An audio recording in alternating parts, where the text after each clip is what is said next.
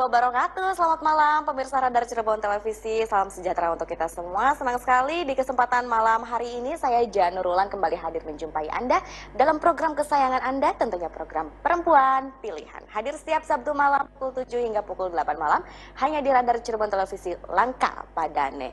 Kalau uh, episode lalu kita bicara tentang tradisi dan budaya Cirebon bersama Mbak Noro. Kemarin sempat ngobrol-ngobrol bahwa di Cirebon punya uh, beberapa aset salah satunya adalah Desa Sentra Gerabah. Malam hari ini juga saya tetap akan berbicara tentang tradisi dan budaya, tapi lebih ke budaya Sundanya.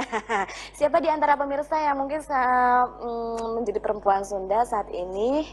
yang dari Majalengka, yang dari Kuningan gitu ya. Kita kan berbeda-beda suku nih, tapi tetap satu tujuan ya, Bineka Tunggal Ika. Tentunya malam hari ini juga saya nggak sendiri pemirsa. Saya hadirkan sosok perempuan yang sangat luar biasa, beliau seorang guru saya. Dulu saya waktu usia 17 eh 17 tahun apa 16 tahun gitu ya, usia SMA kelas 1 saya di, uh, belajar diajar sama beliau. Jadi beliau itu mengajar saya pada saat usia saya kelas 1 SMA. Kalau tidak salah dulu mata pelajarannya adalah mata pelajaran sosiologi. Tapi beliau adalah tulen orang seni. Siapakah dia? Saya kenalkan di samping saya sudah hadir Bunda Ibu Ija Hadijah Betul. Betul. Betul. Selamat malam sekali. Ibu. Selamat malam. Teh Janur ya, Teh Janur bulan sekarang. Luar biasa ya. Dulu saya uh, jadi muridnya Ibu, sekarang hmm. kita di sini duduk bersama hmm. dalam sebuah program yang sangat luar biasa yaitu perempuan pilihan dan kita iya. duduk setara sekarang ya, tapi Ibu tetap guru saya. Sama-sama. Maka dari itu saya akan gali malam hari ini kita akan bicara tentang perempuan pilihan. Hmm. Mungkin kacamata atau sudut pandangnya itu lebih kepada uh, perempuan kekinian yang dilihat dari eh, nilai-nilai uh, uh, kewanitaan atau pakam-pakam dari nilai-nilai Sunda. Kita angkat tema mengenai mi indung kawaktu mi bapak kamangsa tah eta teh naon? Arti nate. Mungkin pemirsa di rumah juga ya uh, penasaran apa sih yang dimaksud perempuan kekinian itu? Harus mi indung kawaktu mi bapak kamangsa silahkan Bu Eja. Itu apa ya artinya? Mungkin translate dulu ya sebelumnya ya, tidak semua pemirsa mungkin mengerti gitu kan. Iya, selamat malam pemirsa Radar Cirebon. Terima hmm. kasih sebelumnya ini Teh Janur sudah undang Sama saya ke studio Ibu. ini ya hmm. untuk diskusi tentunya, untuk sharing ya tentang kita sebagai perempuan, perempuan ya, pilihan, perempuan pilihan, hmm. perempuan Sunda, perempuan anu Yunda begitu asik eh, ya. Kalau perempuan Sunda juga duduknya beda ya Bu ya. Oh, iya. Saya suka harus, lupa. harus nyunda, lungguh, timpuh, andelemi. Lungguh, timpuh, andelemi. Aduh, itu saya bah. Artinya harus feminim ya, anggun, keibuan. Begitukah mungkin kita terjemahkan dengan bahasa yang sangat sederhananya seperti itu. Betul. Tadi kembali lagi bahwa malam hari ini kita mengangkat tema kalau perempuan masa kini itu katanya juga harus ka waktu, mi bapak kamangsa. Maksudnya apa sih Bu itu tuh? Uh, jadi begini ya Teh Janur juga pemirsa Radar Cirebon ya. Ini adalah sebuah tema yang saya ingin sekali ya mempublikasikan ke khususnya masyarakat Sunda umumnya Nusantara Indonesia ya uh, ini adalah salah satu pointer yang menjadi bahan kajian di penelitian disertasi saya waktu satu setengah tahun yang lalu okay. karena ada satu ketertarikan di era kekinian ya modern ini sangat luar biasa pengaruhnya hmm. terutama untuk kalangan perempuan Sunda ya saya pikir di situ ada satu dampak yang sangat luar biasa untuk terutama untuk kaum perempuan ya, hmm. uh, bahwa perempuan Sunda itu cenderung lebih bersifat cepat dalam uh, melakukan proses peniruan. Artinya dibanding dengan masyarakat yang lain yang ada di Nusantara, hmm. perempuan Sunda ketika saya lihat itu lebih cenderung adaptifnya itu cepat gitu, sehingga uh, di situ timbullah rasa keinginan saya untuk memberikan satu pemahaman kepada kaum perempuan Sunda ya khususnya mm yang ada di Indonesia boleh kita meniru, mm boleh kita beradaptasi terutama untuk uh, kaum perempuan yang ada di Sunda, tetapi tetap kita tidak boleh itu melupakan apa yang menjadi eh, batasan-batasan nilai-nilai Sunda ya. Oke. Nah di situlah yang menjadi uh, dasar agar keseimbangan untuk mencapai sebuah kesempurnaan hidup itu betul-betul ideal gitu. Baik, baik. Seperti itu ya Teh Oh, Janur kira-kira. Berarti salah satu kuncinya perempuan Sunda itu ada cirinya, ciri khasnya itu adalah uh, Mhm. mereka itu sanggup untuk beradaptasi secara cepat di lingkungan yang baru. Mungkin Mhm. karena tadi ya Mhm. karakter perempuan Sunda yang Betul, tunggu, timpu, suranye, sumbernya kasemana kesepian. itu Nah, nilai-nilainya ya. Oke, gitu. oke. Jadi pada intinya eh, secara general saya ingin memberikan pemahaman ya kepada masyarakat bahwa eh, pintar-pintarlah kita untuk menghadapi era kekinian ini. Mhm. Tetapi kita sebagai kaum perempuan itu tetap ya harus tahu karena tidak semua orang tahu Teh Janur bahwa eh, nilai-nilai kesundaan itu sebetulnya sangat luar biasa. Dan ini saya bertumpu pada nilai-nilai filosofis yang saya gali dari pointer penelitian disertasi saya tentang eh, tokoh-tokoh wayang golek purwa ya yang ada di eh, khususnya lokasi penelitian saya waktu itu adalah di Kabupaten Kuningan.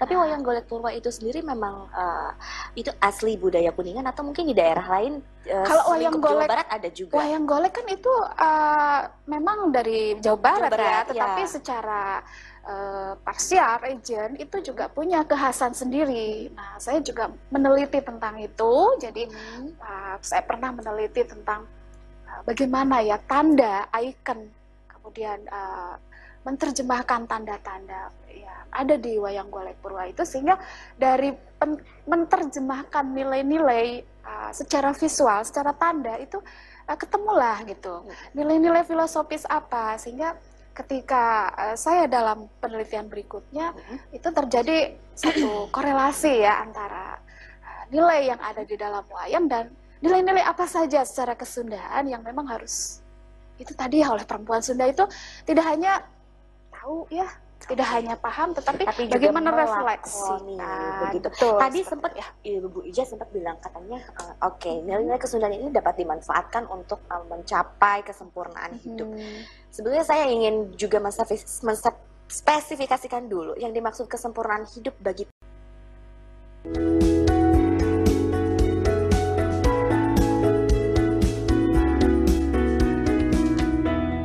Ya pemirsa terima kasih. Anda masih setia bersama kami dalam Perempuan Pilihan. Dan sekarang kita sudah menginjak di segmen 2 kita berbicara tentang perempuan masa kini yang mie indung karena waktu mie bapak karena mangsa bersama Ibu Dr. Ica Hadijah di sini beliau selaku akademisi dan tadi sempat kita berbincang luar biasa sekali bahwa nilai-nilai kesundaan bagi seorang perempuan Sunda itu dapat juga kita gunakan dalam keseharian kita dalam tingkah pola kita untuk mencapai kehidupan yang sempurna. Saya ingin bertanya sebetulnya kehidupan yang sempurna bagi perempuan Sunda itu apa sih Bu? Eh, Teh Janur pertanyaannya sangat luar biasa ya karena eh, ini adalah satu poin yang sebetulnya sangat sulit sekali ketika kita berkeinginan untuk menjadi seorang yang sempurna tidak mungkin sempurna karena Ya, betul. sempurna itu miliknya Tuhan yang Betul. Maha Kuasa. Yang dimaksud sempurna di sini adalah bagaimana kita eh, berusaha lebih baik ya, berusaha lebih eh, bisa memanage diri. Artinya dalam budaya kesundaan, terutama untuk kaum perempuan, ada satu nilai yang harus betul-betul kita refleksikan dalam kehidupan kita sehari-hari. Ya, itu kita mengenal istilah cager, Yes. bager, pinter, gitu Cager ya. itu sehat, Ya, bager itu Baik. baik, Hmm, pinter pinter, itu cerdas. cerdas. Nah, ada- artinya bahwa kesempurnaan hidup itu bisa diterjemahkan. Bagaimana kita sebagai perempuan Sunda itu bisa mensejahterakan lahir batin kita, ya, mensehatkan eh, kita, kemudian eh, membaikkan diri kita, Oke. menjadi kita lebih baik, gitu Mm-mm. kan? Kemudian bagaimana kita menjadi seorang perempuan yang pintar, cerdas. cerdas, pintar dan cerdas untuk uh, mendapatkan kebahagiaan itu adalah kesempurnaan hidup gitu. Yang dimaksud adalah seperti dan, itu.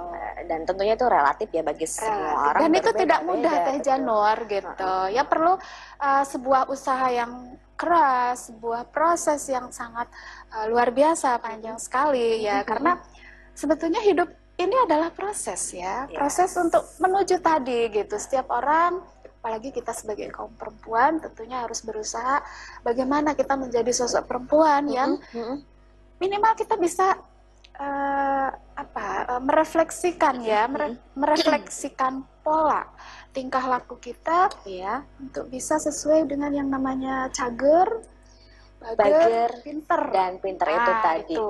luar biasa ya. Oh ya ada satu lagi. Apa yang mungkin Bu? eh, saya boleh eh, kasih tahu kepada Boleh, pemirsa eh, dari Cirebon ya bahwa eh, tidak hanya itu di dalam upaya mencapai kesempurnaan hidup seorang wanita atau perempuan maaf ya, Mm-mm. sama saja ya perempuan itu seorang yang dihargai yang Iya. ditinggikan gitu ya eh, itu harus memiliki kita perempuan pilihan ya harus memiliki satu tekad tenang ludeng tayak kakeeng nah itu apa Tenang, artinya ludeng, taya kakeeng sama seperti saya. Pulang malam terus. pemberani, ya, pemberani artinya dalam konteks selama kita positif, selama kita benar, maka tidak ada eh, rasa takut, rasa eh, tidak berani untuk melakukan hal yang positif itu Mhm. karena hal-hal yang positif yang kita lakukan Mhm. adalah orientis orientasinya satu, Mm-mm. itu bagaimana agar kita memberi kebermanfaatan kepada minimal diri kita sendiri, kemudian orang-orang yang kita sayangi di di sekeliling kita, kemudian setelah itu mudah-mudahan kebermanfaatan itu bisa untuk orang uh, di luar keluarga, misalnya seperti itu ya Baik, kalau baik. diterjemahkan. Jadi intinya kita juga memiliki area untuk kebebasan kita berkiprah sebagai seorang perempuan, Perempuan, bermanfaat iya. untuk masyarakat luas tentunya dalam track atau jalur yang sudah eh, ba- jalan yang baik dan benar dan sesuai dengan kodrat perempuan. Kodrat gitu itu ya. yang yang paling penting ya. Jadi kita Ha-ha. harus juga selalu ingat akan kodrat kita sebagai wanita Betul, seperti betul. itu. Dan kita di sini bukan berarti uh, bicara dan Ha-ha. berpikir Mhm. dalam batasan gender. Iya, iya. Gitu. Kita Tapi bicara di sini ngomong-ngomong sebagai nih pemirsa ya. Ya. pertemuan saya dengan eh, cerita saya mengapa sampai saya mengundang beliau ke studio Radar Cirebon Televisi. Hmm. Kita sempat ketemu di salah satu kafe ya, kafe di Kuning, Resto resto ya, ya, resto. Terus eh, mungkin. akhirnya saya teringat, oh ternyata ibu tuh pernah menulis sesuatu hal yang sifatnya perempuan Sunda gitu kan. Nah ini salah satu uh, penulisannya adalah tentang relevansi visual dan nilai-nilai kewanitaan wayang golek Purwa khas Kuningan Jawa Barat pada wanita Pasundan masa kini. Ngomong-ngomong Sunda, kita kan berarti ke perempuan Sunda nih ya. Hmm. Mau dong eh, lihat dong Ibu sapa pemirsanya di sini, pemirsa perempuan pilihan dengan bahasa Sunda. Ciri Oke. ciri dengan dengan ciri khas perempuan Sunda yang seperti apa gitu. Wah, Sambil ah, diajarin juga nih akunya pakai bahasa Sunda. betul betul. Ini sebuah uh, level tanda ya bahwa uh, minimal gitu. Saya bahas sedikit ya Iya. bahwa perempuan anu nyunda Mm-mm. Ya perempuan anu nyunda tetapi tetap pada konteks kekinian salah satu nilainya adalah punten Teh Janur Ya. kedah somea hade kasema keras. santun bertata bahasa Santun bertata bahasa. contohnya begini ya Wilujeng wengi pemirsa Radar Cirebon Wilujeng tepang sareng eh, Teh Janur oge abdi di acara perempuan pilihan Pamugi Sadayana Daramang sareng aya dina kawilujengan. Begitu kira-kira mungkin ya? Iya, iya. ah seperti itu. janten Teh Janur aplikasi ketika di eh, kehidupan sehari-hari. Saya ambil contoh. Ya. somaya hade kasemah ya Ya. teh. Kita bertemu dengan siapa pun. Maka senyum itu adalah ibadah bukan Betul, betul. betul ya betul senyum adalah ibadah ya. tapi tidak senyum selamanya begitu Iya, ya. Nah artinya gini, somea itu ramah. Misalnya saya ketemu dengan Janur, Ya. teteh damang, kumaha, dinten iya pangesto, minimal seperti itu. Itu yang maksud dengan somea, Ya, somea itu artinya ramah tamah. Nah, itu salah satu nilai kesundaan. Ya, Artinya yang kembali kepada bager itu baik. Nah, itu salah satu contoh actionnya seperti itu. Seperti ya. Kira-kira ya Teh Janur? Iya, betul. Mohon betul. begitu.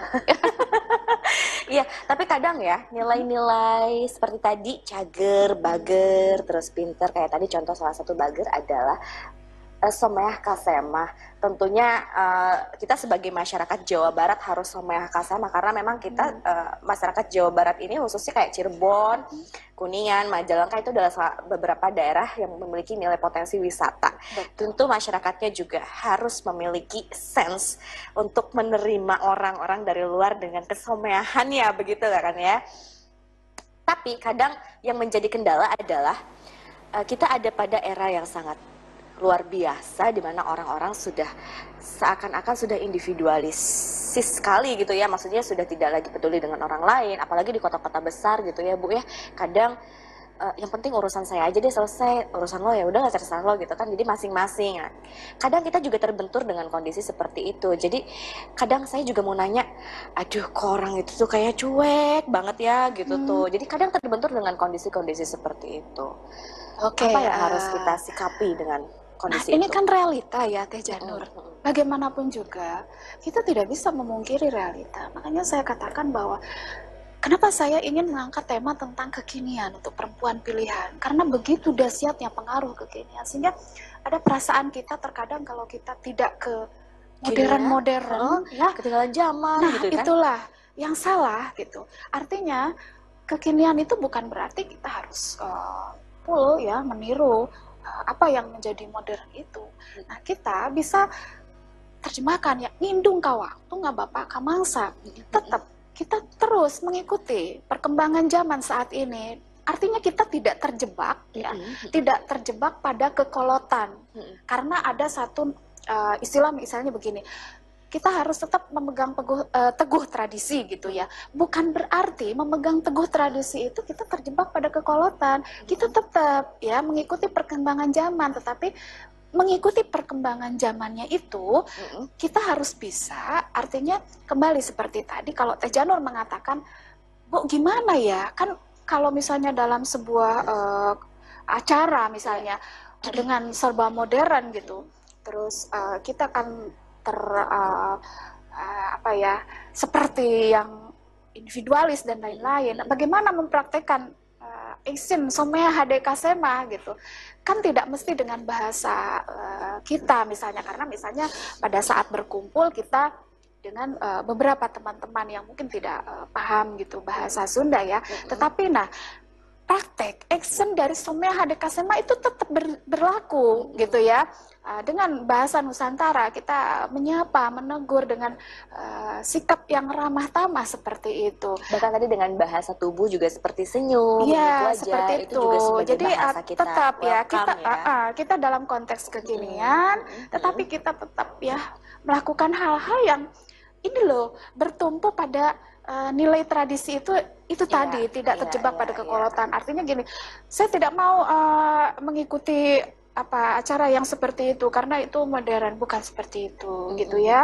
Nah kita uh, aktivitas seperti biasa tetapi bagaimana kita aplikasi, kita refleksi apa yang kita pahami dari nilai-nilai kesundaan itu itu sangat sangat mudah sebetulnya tergantung pada ah, niat ya Oke. Teh Janur niat gitu. Apa saya full kekinian itu dengan konteks yang eh, saya sudah tidak mau tahu dengan nilai-nilai tradisi jangan seperti itu. Iya, gitu itu ya. terlalu sekali ya, Bu ya. Tentunya Ibu juga sebagai seorang perempuan Sunda dan tentunya dengan pendidikan yang tinggi. Nah, ini terkadang juga terjadi benturan di Betul. orang-orang terdekat. Saya ingin tahu cerita tentang Ibu, mungkin ada pengalaman-pengalaman seperti itu dan bagaimana cara menyikapinya.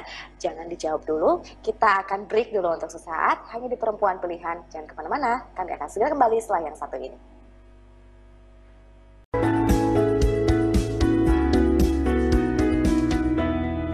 Kembali lagi dalam program Perempuan Pilihan masih bersama saya Janur Wulan dan narasumber saya Dr. Ija Hadijah di sini berbicara mengenai perempuan masa kini yang miindung karena waktu, mi bapak karena mangsa. Ya, kita bicara tentang perempuan yang memang dilihat dari nilai-nilai eh, kesundaan. tadi ada istilah katanya Bu, uh, Bu Dokter gini, uh, bahwa perempuan itu harus jager, bager, pinter. Salah hmm. satunya tadi contoh bagernya sudah kita harus sama kasema. Hmm. Pinternya mungkin di sini perempuan bukan berarti kita harus berdiam diri, begitu kan? Hanya katanya konteksnya perempuan itu uh, ayah istilah non bahasa Sunana teteh istri mah cina non cina uh, dulang, dulang tinande katanya dulang tinande yang hanya bisa menerima uh, perlakuan katanya ya. begitu, tetapi tidak seperti itu juga kan. Ya, gitu. Kembali lagi tadi seperti bahwa perempuan itu harus cerdas, harus potekar, sebagai perempuan juga harus memiliki mimpi dan lain sebagainya. Saya nggak usah jauh-jauh ambil contoh perempuan di luar sana, ada salah satu di sini contoh sampel perempuan pilihannya. Terima kasih, terima kasih. Sudah uh, sangat luar biasa mengatakan bahwa saya perempuan pilihan. Sebetulnya tidak sama saja dengan uh, kaum perempuan yang lain Betul. gitu. Cuman mungkin kenapa pilihan? Hmm. Karena tidak semua perempuan juga dapat mengenyam pendidikan tinggi seperti Bu Dokter sekarang ya kadang gini loh. Perempuan kadang juga yang punya memiliki keinginan punya memiliki mimpi oh saya pengen jadi uh, saya pengen kuliah tinggi nih. Saya minimal kuliahnya S2 deh gitu. Tapi ada juga saya pengen ke S3 tapi suami saya melarang orang tua saya melarang. Katanya ngapain sih perempuan kuliah tinggi-tinggi? Toh pada akhirnya juga kita ada di sumur ada di dapur ada di ranjang. Katanya kasur gitu. ya ada di istilah istilah uh, kolot bahula Nah, itu istilah ya? bahala. Oh. Pasti dong ibu juga punya pengalaman bentrok dengan hal-hal seperti itu. Di sisi lain ibu sebagai seorang perempuan Sunda yang memiliki mimpi yang sangat luar biasa. Di sisi lain juga ada lingkungan sekitar kita yang pro dan kontra terhadap pemahaman perempuan Sunda yang harus motekar dan cerdas. luar biasa ya Teh Janur ya. uh, ya, ya. Saya bicara ini mungkin lebih ke subjek ya diri saya sendiri gitu. Artinya kalau misalnya seorang perempuan ada istilah ya dalam eh, bahasa-bahasa zaman dahulu ya kita istilahkan itu kolot bahela ya gitu. Awewe mah ulah sekolah luhur-luhur. Oke ah, oke balik deh ke dapur. Tuh kan gitu kata Awewe mah dulang tinande. Nah, hartos tuh hartos. Iya dulang tinande itu apa ya Bu ya? Pokoknya istri istri perempuan, perempuan cukup berdiam diri saja di rumah, mengurus rumah, mengurus dapur, mengurus uh, keluarga, uh, kemudian tidak boleh beraktivitas karena mm-hmm. awewe madulam tinande ada yang memberi yang suami. Ah, betul. Itu kan pemahaman uh, secara konvensional kalau bahula ya. Gak apa-apa gitu ya.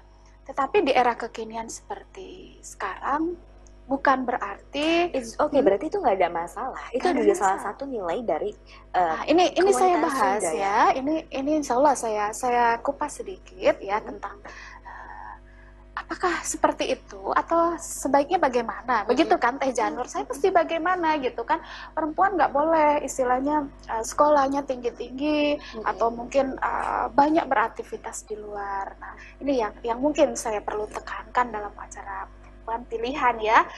Mudah-mudahan ada bermanfaatan gitu. Uh, bolehlah dengan bahasa istilah kesundaan kalau bahula seperti itu gitu ya. Tetapi tidak dilarang juga kita sebagai sosok perempuan memiliki mimpi ya. Mimpi yang selama kita masih diberi nafas oleh Tuhan mimpilah setinggi langit. Itu saya gitu ya. Dan mimpi tidak hanya sekedar mimpi Teh Janur, tapi kita harus uh, kerja keras dan berdoa memohon sama yang punya hidup ya agar dikabulkan gitu. Untuk menjadi uh, seorang yang pinter ya, kita sudah membahas sager bager tadi ya, contohnya seperti tadi, pinter, pinter itu kan uh, cerdas, pandai gitu ya.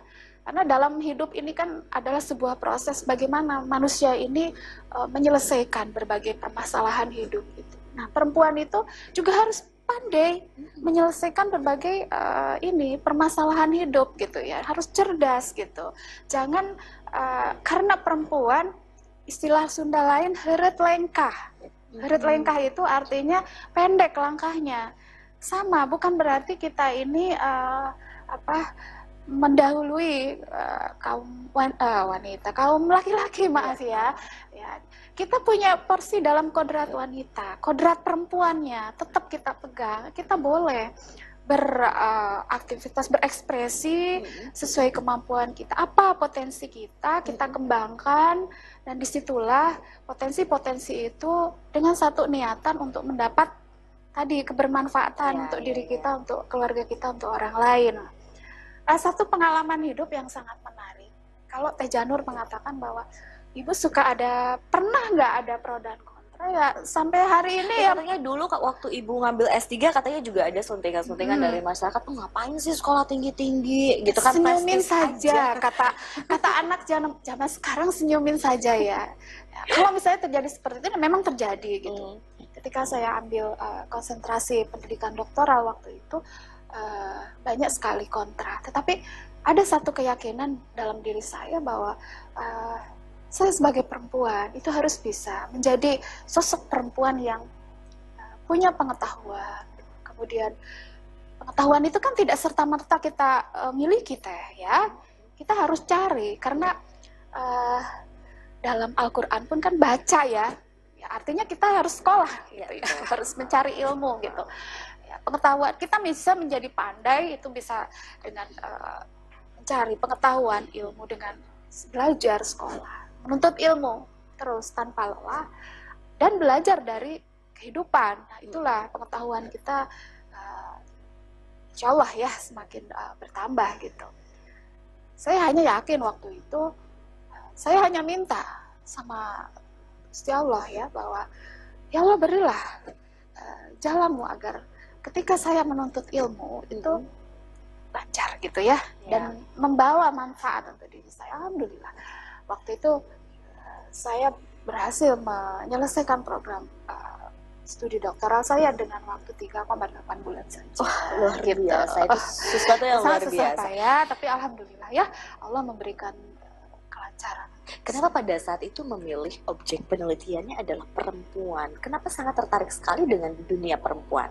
Iya. nggak yang lain aja gitu loh kan iya. banyak mungkinnya objek-objek yang mungkin yang bisa Tentang dikaitkan seni, dengan ya. yang namanya kesundaan iya. harus perempuan kenapa waktu itu perempuan yang dipilih uh, pengalaman yang sangat uh, luar biasa juga ketika saya promosi dokter waktu itu uh, saya sangat terharu juga promotor yang terhormat uh, Profesor Dokter uh, Cecep Rohindi Rohindi MA ya itu mengarahkan saya untuk eh, dan Ibu Dokter Sri Iswidayati, Profesor Dokter Toto Sumaryanto MPD, salam hormat dari saya ya, eh, mengarahkan saya untuk mengkaji tentang perempuan karena beliau sangat paham secara subjek bahwa saya sangat care dengan uh, perempuan ya sehingga saya diarahkan untuk bagaimana menggali uh, siapa perempuan uh, Sunda yang sebenarnya dan harus seperti apa agar saya dapat belajar menjadi perempuan yang pilihan ya. Ya, nah, dengan seperti itu, gitu. Sehingga uh, apa yang saya tulis, apa yang saya teliti, apa yang saya paparkan itu adalah uh, tidak hanya sekedar berbasic kepada data-data di lapangan, tetapi itu adalah murni bagaimana kita uh, belajar untuk tahu, untuk merefleksikan nanti, ya, untuk memahami, mengintrospeksi diri kita sendiri Nah, ya. itu itu kan uh, menurut saya adalah sebuah usaha, sebuah proses belajar untuk saya tahu. Saya tahu bahwa untuk menjadi sebuah uh, seorang seorang perempuan uh, Sunda yang kekinian itu harus apa saja itu tidak mudah. Ya, saya teliti kira-kira hampir dua tahun. Dua tahun. Baik tentunya untuk uh, menjadi seorang perempuan Sunda menjadi perempuan yang sangat luar biasa, menjadi perempuan yang sangat hebat itu semua adalah proses. Dan tentunya saya melihat sedikit kaca-kaca yang berbinar dalam matanya ibu ketika berbicara tentang perempuan hebat. Semuanya berasal dari proses. Uh, kita nanti akan berbincang lagi mengenai perempuan tentunya. Pemirsa jangan ke mana-mana, tetap bersama kami di Perempuan Pilihan.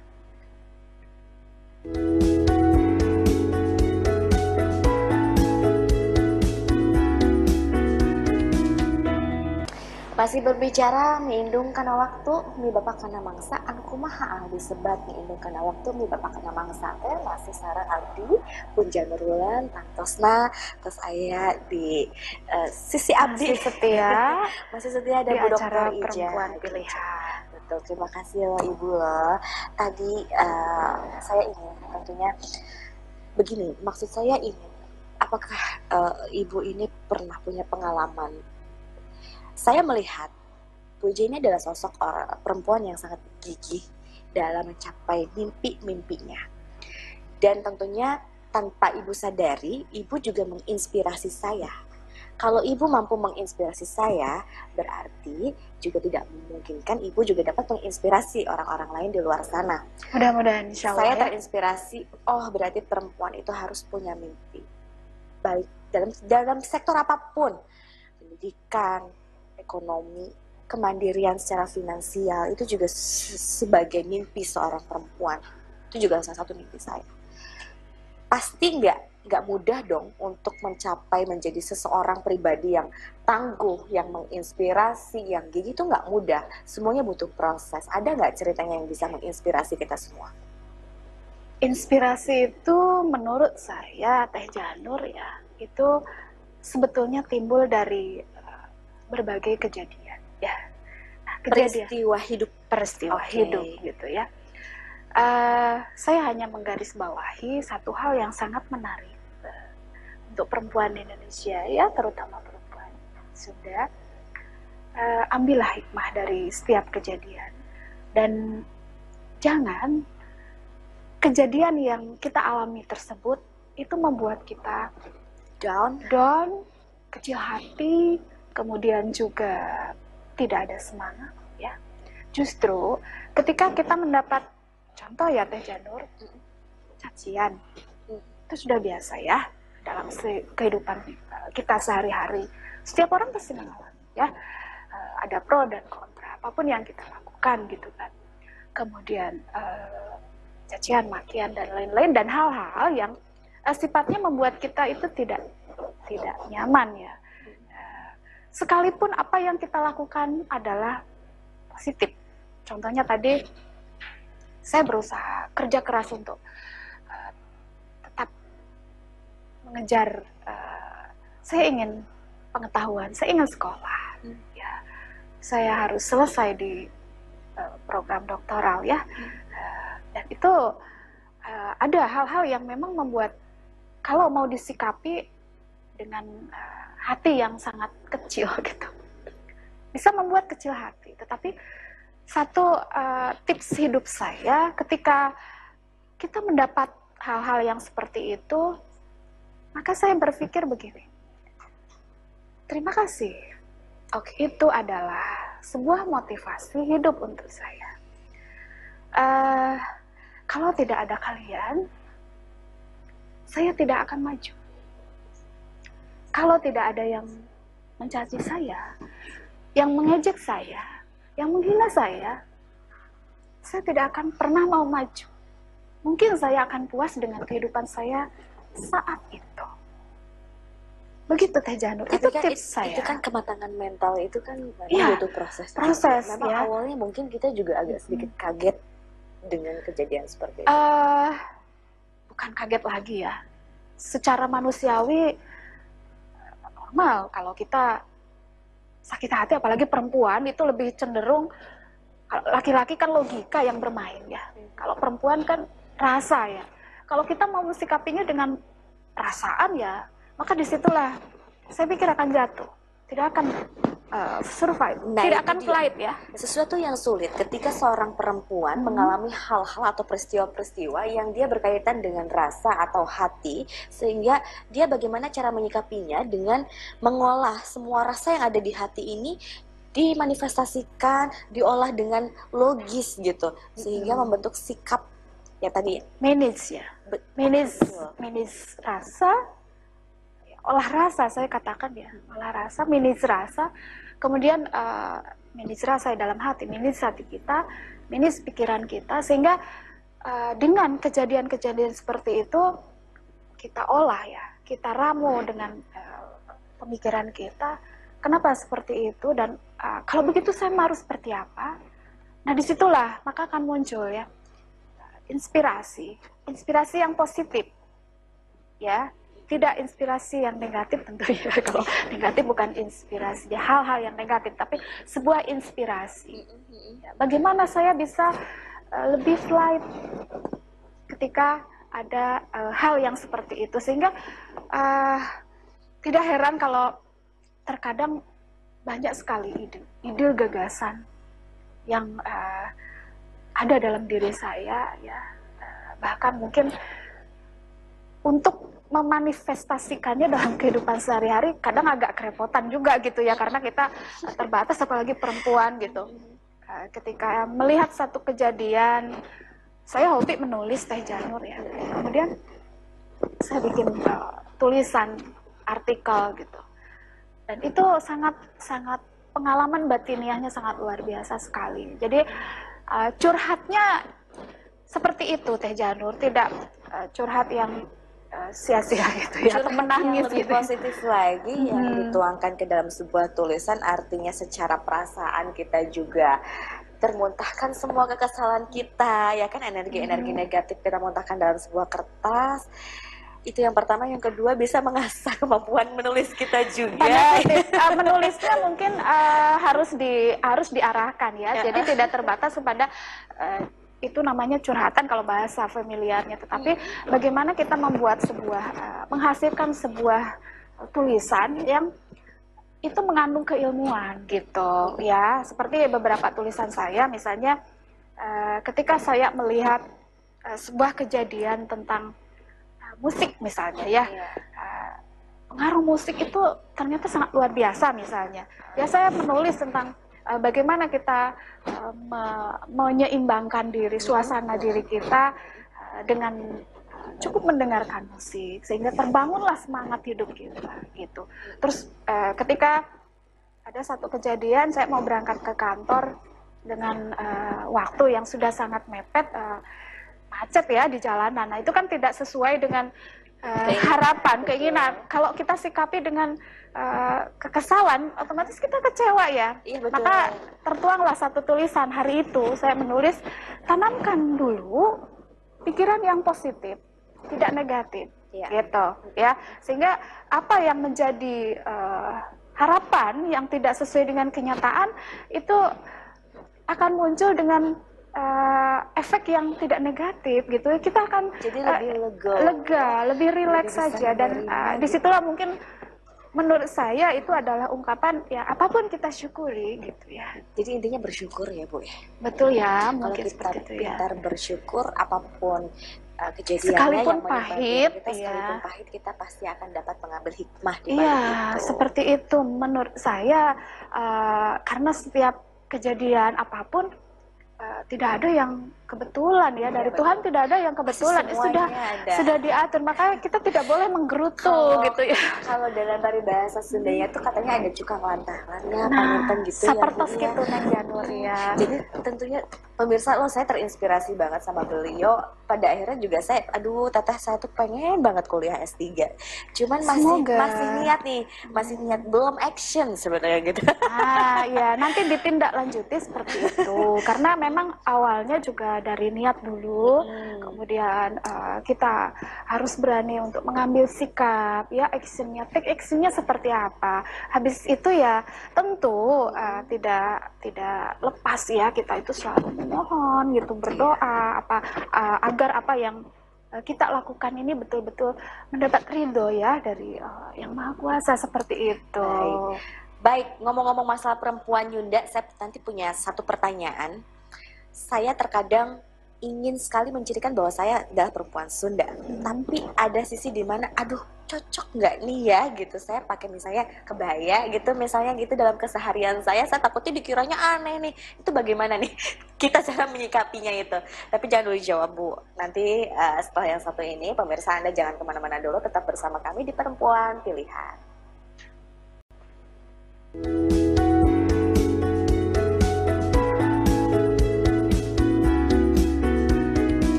Menginjak di segmen akhir perempuan pilihan, tentunya saya ingin em, mengucapkan selamat malam untuk pemirsa yang baru saja gabung di Perempuan Pilihan Roda Cirebon Televisi belum terlambat untuk Anda karena di sini masih ada satu segmen lagi bicara tentang perempuan Sunda yang mengangkat nilai-nilai kesundaan dalam tingkah pola kesehariannya. Begitu ya Teh ya? Iya, seperti itu kira-kira.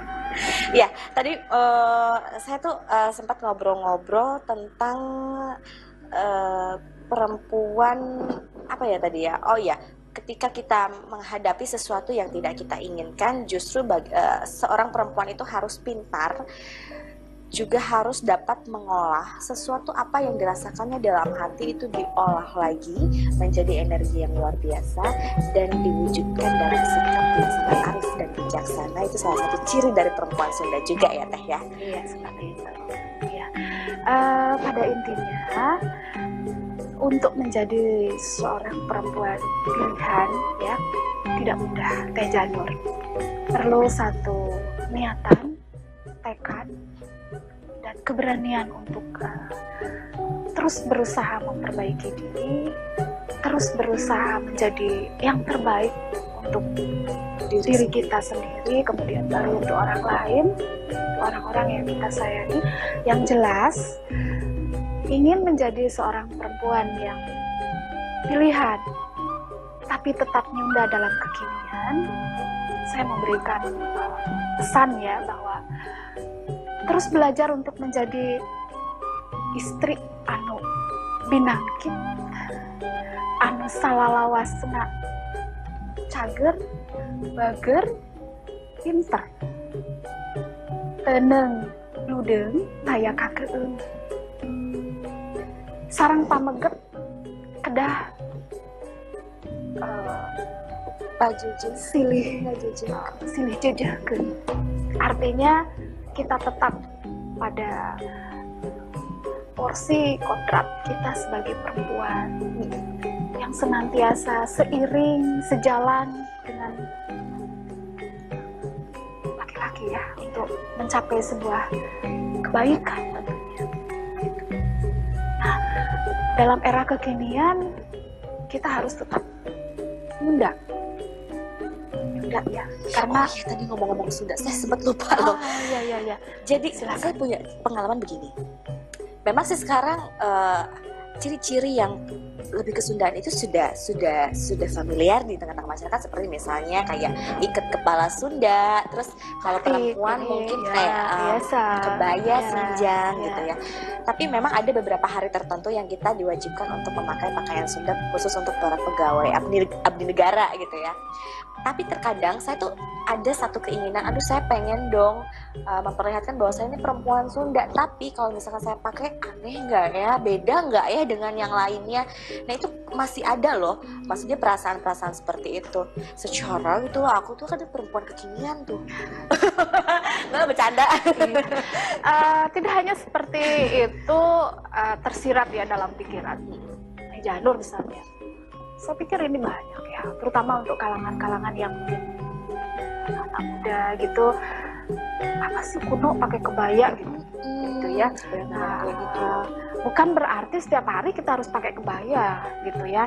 Nah, harus pakai sinjang gitu ya. Terus uh, laki-lakinya pakai ikat kepala atau uh, apa namanya uh, baju khas Sunda kampret gitu ya.